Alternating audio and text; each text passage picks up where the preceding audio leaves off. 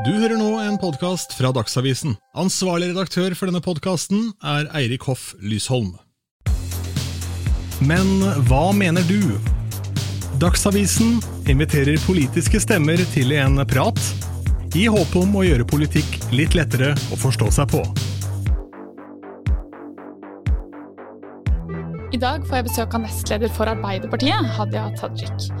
Arbeiderpartiet er Norges største politiske parti, men er Hadia enig med dem i alt? Og kunne Arbeiderpartiet samarbeidet med Høyre, som er Norges nest største parti, i regjering?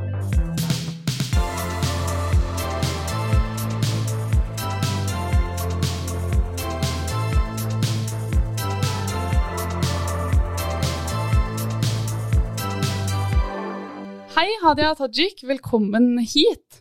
Hei. Du er jo nestleder for eh, Norges største politiske parti.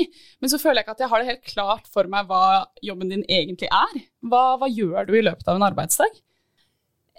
Arbeidsdagen min formes veldig av at jeg sitter på Stortinget. Det trenger du ikke gjøre når du er nestleder i et politisk parti.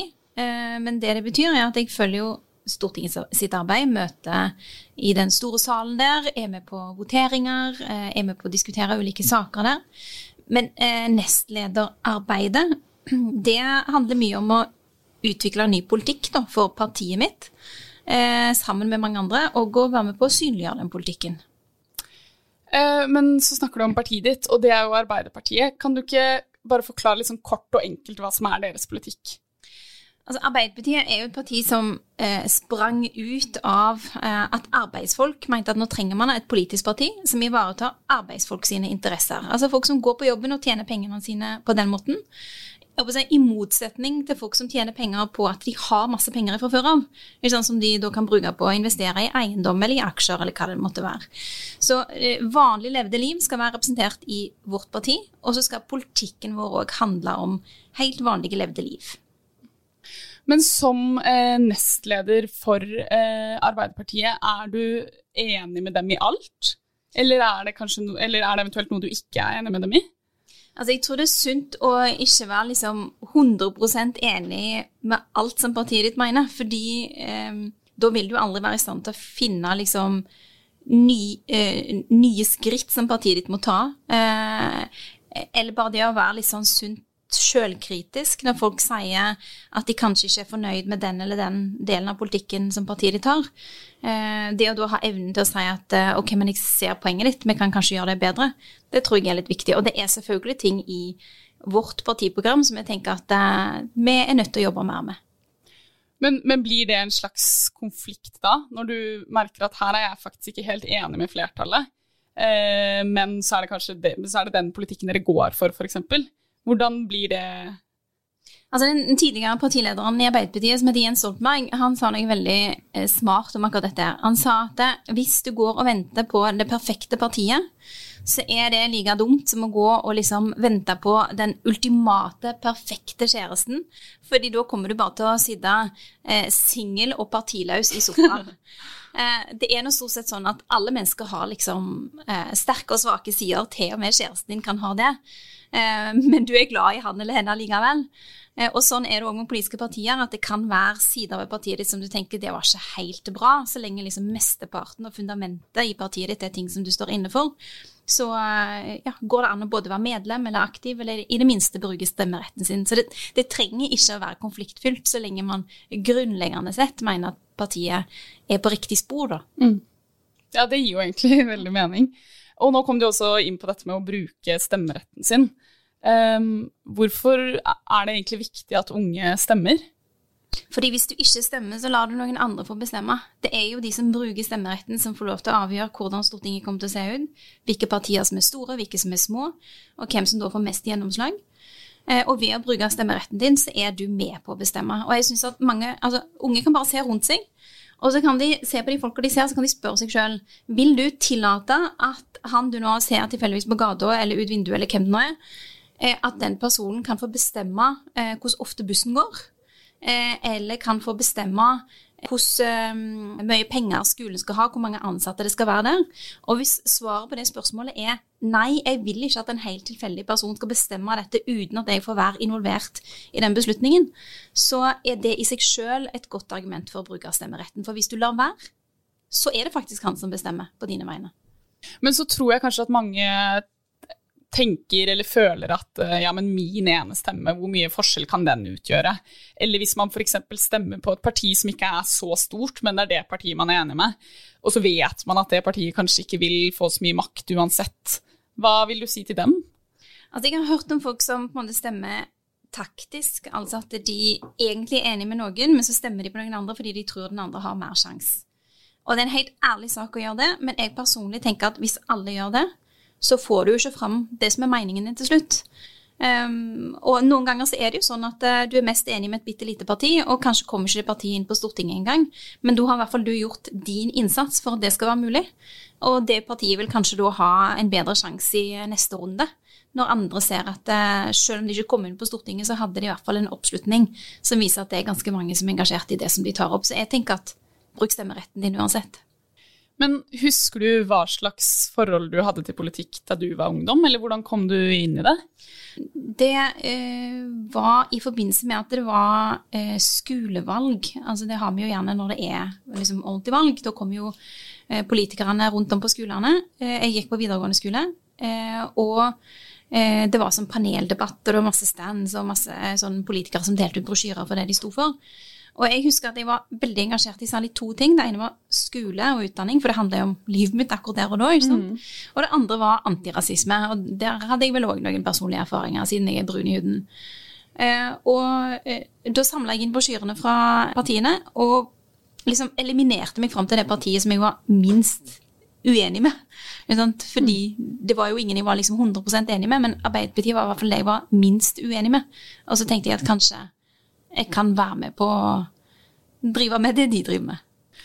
Men sånn som, eh, som du var inne på, um, rasisme og innvandringspolitikk, hvor mye kan egentlig politikerne gjøre med det? Man kan gjøre ganske mye. Eh, eh, jeg mener Politikere generelt kan gjøre tre ting. Sant? Vi kan gi penger til gode formål. Som politikere kan gi penger til antirasistiske organisasjoner, sånn at de kan gjøre en kjempejobb.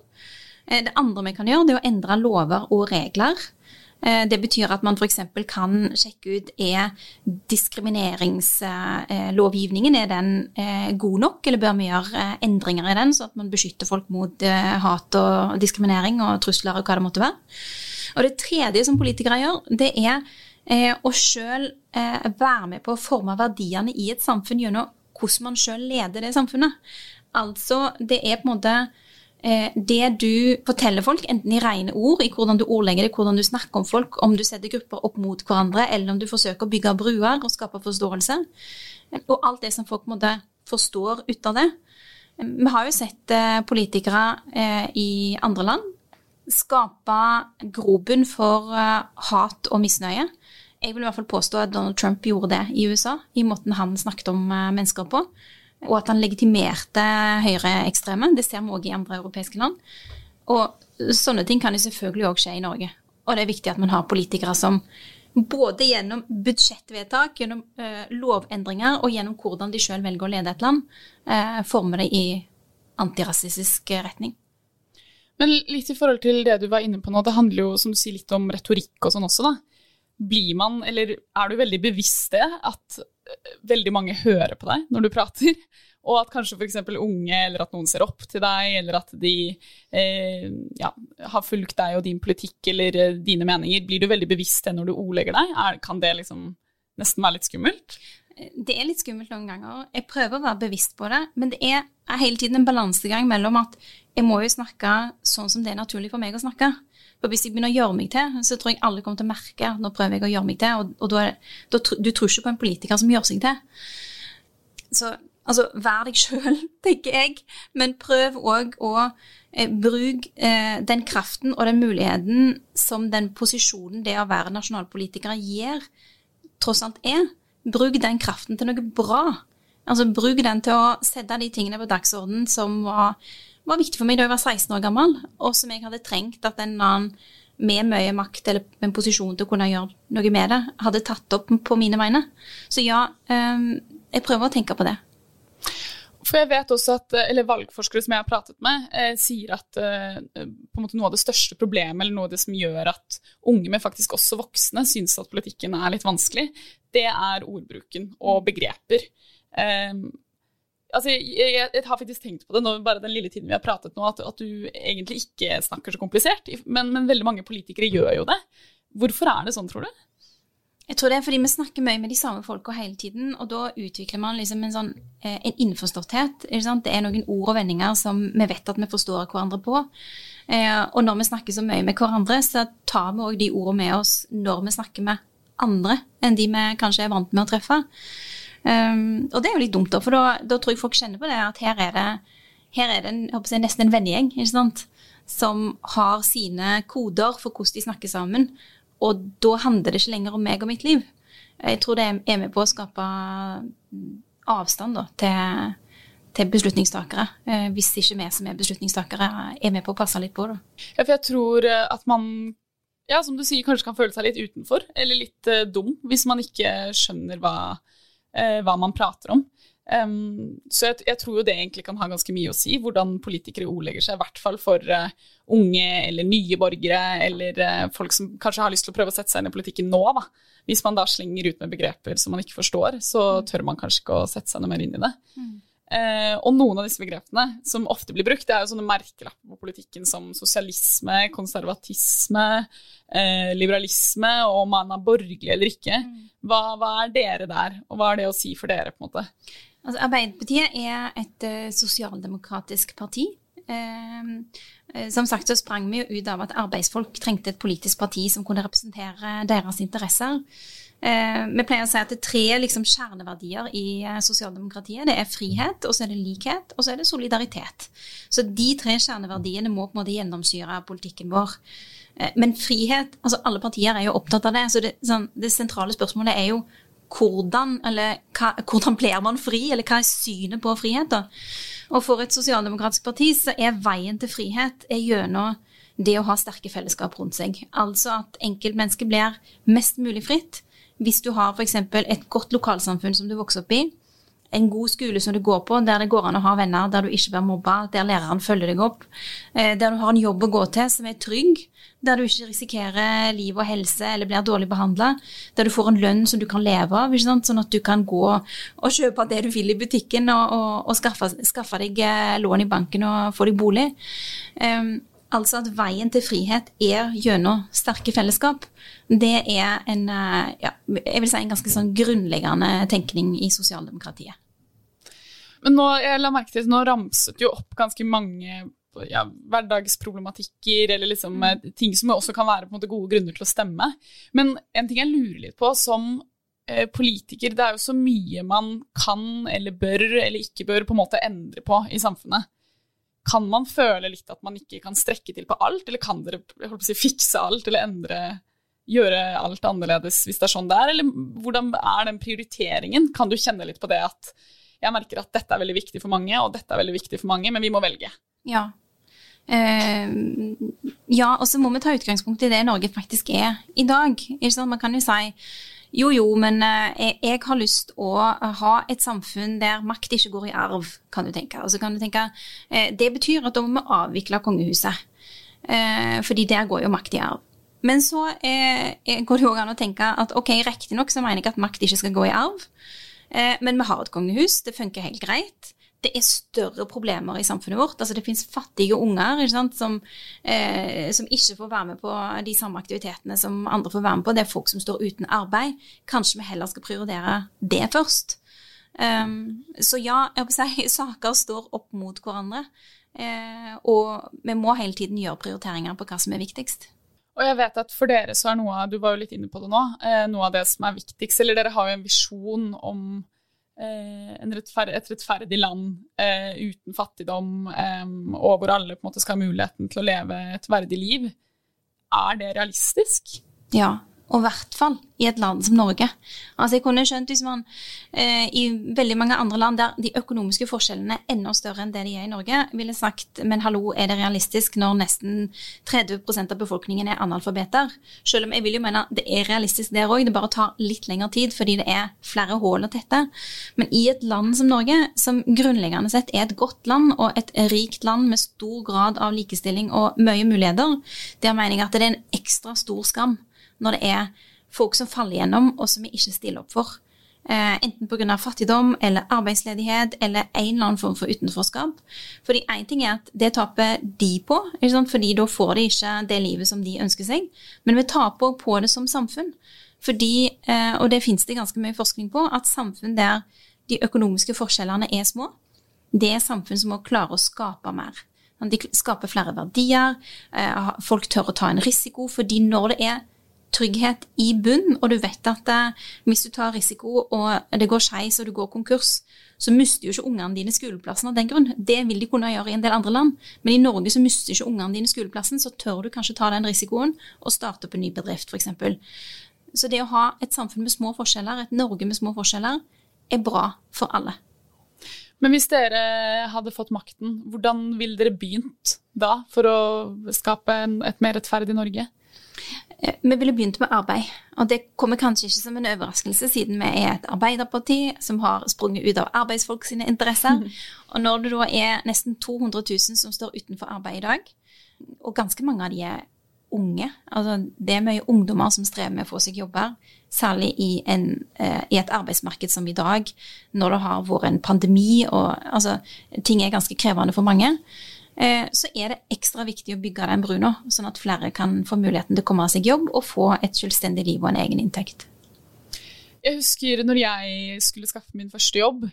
Jeg tror jeg søkte i nesten et halvt år før jeg i det hele tatt fikk et intervju, fordi jeg var ikke 18 og jeg hadde ikke arbeidserfaring. Og jeg måtte gjerne ha begge deler.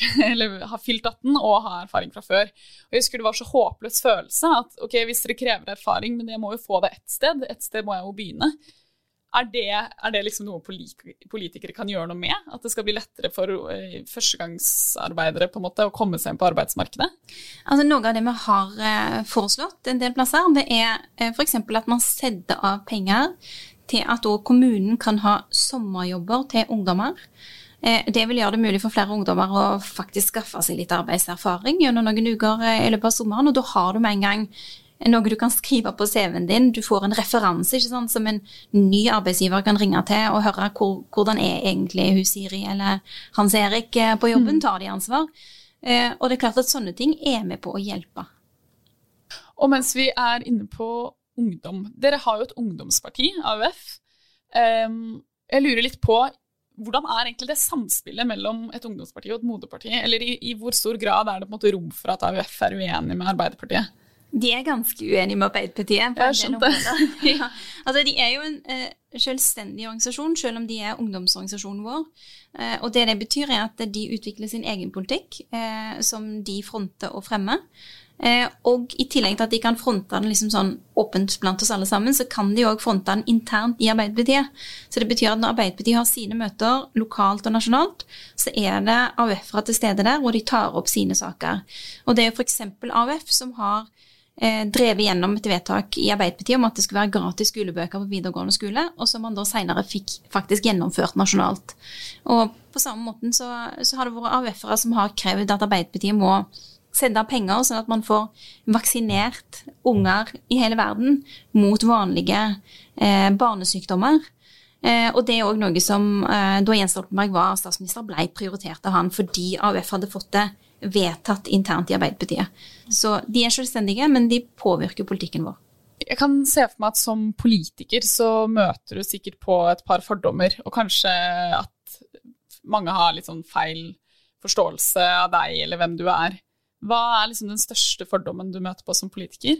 Jeg tror den vanligste fordommen er at jeg, jeg og andre politikere driver med politikk for egen vinning. Det tror jeg er en ganske vanlig ting å tenke. Um, og det Jeg vet ikke hvorfor det er sånn at man tenker det. Eh, men de aller fleste politikere jeg har møtt, på tvers av politiske partier, de brenner for noe ekte. Sant? Kanskje har de egne personlige erfaringer som har gjort at de har sett urettferdighet eh, liksom på nært hold, eller at de har engasjert seg gjennom andre saker, de har sett andre bli utsatt for urett. Um, men det er et veldig ekte engasjement i bunn hos de jeg har møtt, i hvert fall. Mm. Og nå var du jo litt inne på, det er jeg også veldig nysgjerrig på, dette med liksom på tvers av politiske partier. Kan du liksom møte en annen politiker som er fra et helt annet parti enn deg, og tenke vi to er egentlig ganske like, f.eks.? Ja. Ja, det, eh, og det har, det har, jeg opplevd ganske mange ganger. Og at det er politikere i andre partier som vi både kommer godt overens med, og som vi syns er kjempehyggelig å henge med, eh, men som jo står for noe helt annet enn det jeg gjør sjøl.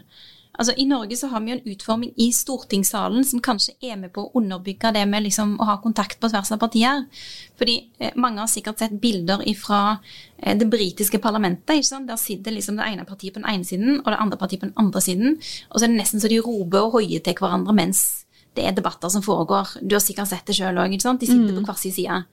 Mens i Norge så er stortingssalen utforma sånn at du sitter, eh, altså hvor du sitter i salen, avhenger av eh, hvilket fylke du er valgt inn ifra.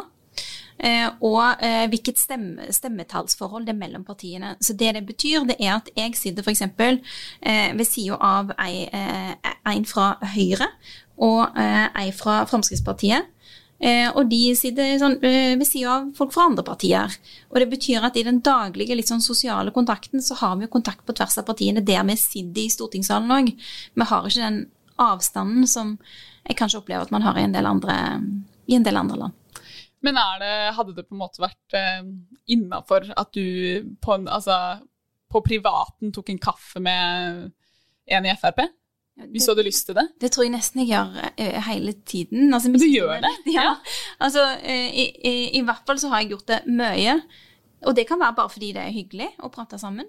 Uh, men det kan òg være hvis det er saker som skal håndteres på Stortinget, der det kan være fornuftig at vi har satt oss ned og prata litt ordentlig om det før vi begynner å håndtere saken. og da lønner det seg gjerne å sette seg ned med en kaffekopp og, og være litt sånn uformell i lag. Eh, så det er noe som skjer stadig vekk. Men jeg skjønner jo at det kan overraske, for når dere ser oss i studio, så kan det jo virke som vi holder på å hogge hodet av hverandre. Ja, ja. jeg syns egentlig det er litt uh, godt å høre. Fordi når man, ja, i studio eller i debatter, uh, eller bare på en måte måten artikler vinkles på, mm. så tenker man jo litt sånn Ok, det er kjipt å gå ut av det rommet etterpå, liksom. Nå er det dårlig stemning, eller Eh, ja, rett og slett. Altså, jeg merker jo selv at hvis jeg møter mennesker jeg er skikkelig uenig med, så syns jeg det kan være litt irriterende å være i samme rom som dem, på en måte. Ja. Eh, men det er, jo, det er, jo, en fin ting da, at, at, det kan gå på tvers likevel, og at man kanskje kan legge politiske uenigheter litt fra seg av og til. Men jeg lurer også på, fordi Arbeiderpartiet og Høyre er vel da de største partiene vi har i Norge. Men hva er egentlig den største forskjellen på, dere, på Arbeiderpartiet og Høyre, og kunne dere på en måte samarbeidet om å styre landet? For å ta det første først, så mener jeg at den største forskjellen mellom oss, det er synet på fordeling. Der Arbeiderpartiet mener at vi er nødt til å ta eh, tøffere grep, da, tøffere initiativ, for, å, for, at Norge skal bli mer rettferdig. Det betyr f.eks. at eh, vi mener at de som har mye penger, store formuer, høye inntekter, de må betale mer i skatt. Eh, fordi på den måten så er de òg med på å finansiere vår felles velferd eh, på en måte som er mer rettferdig de som har de sterkeste skuldrene, må bære den største børa. Det, det, er sånn vi burde gjøre det i landet vårt. Kunne vi styrt landet sammen? Ikke i regjering. Altså, jeg, tror ikke vi kan se, jeg kan ikke se for meg at vi kunne stått i regjering sammen. Men det har jo vært situasjoner der eh, landet har vært i en tøff situasjon. Og der det har vært behov for at de store partiene finner sammen og finner løsninger sammen. Eh, og det har vi jo gjort. Altså F.eks. nå under pandemien så um, har det, eh, særlig i starten, så var det, det var ganske vanskelig altså for hele landet og for folk som ja, mista jobbene sine eller ble permitterte eller ble urolig for hvordan skal det gå nå med bedriften min. Og da trengte vi at partiene fant sammen, og det klarte vi å gjøre på eh, ganske mange områder i begynnelsen. Mm. Jeg ser at eh, vi må begynne å runde av snart, men jeg lurer eh, litt på en siste ting, og det er for deg som politiker og nestleder og sånn, er Syns du alt med politikk er spennende, eller blir det liksom selv for deg litt kjedelig iblant? Eh, det er alltid noe som er kjekkere enn andre ting jeg håper si, i alle jobber. Og selv om dette ikke er en, en helt vanlig jobb, så eh, er det jo likevel sånn at det er ting jeg interesserer meg mer for, og andre ting jeg interesserer meg mindre for. Og så er det noen dager som er kjekke på jobben fordi du føler at du får ting til, og så er det andre dager som ikke er så kjekke. Tusen takk for at du kom. Det var veldig interessant å prate med deg. Takk for at jeg fikk lov.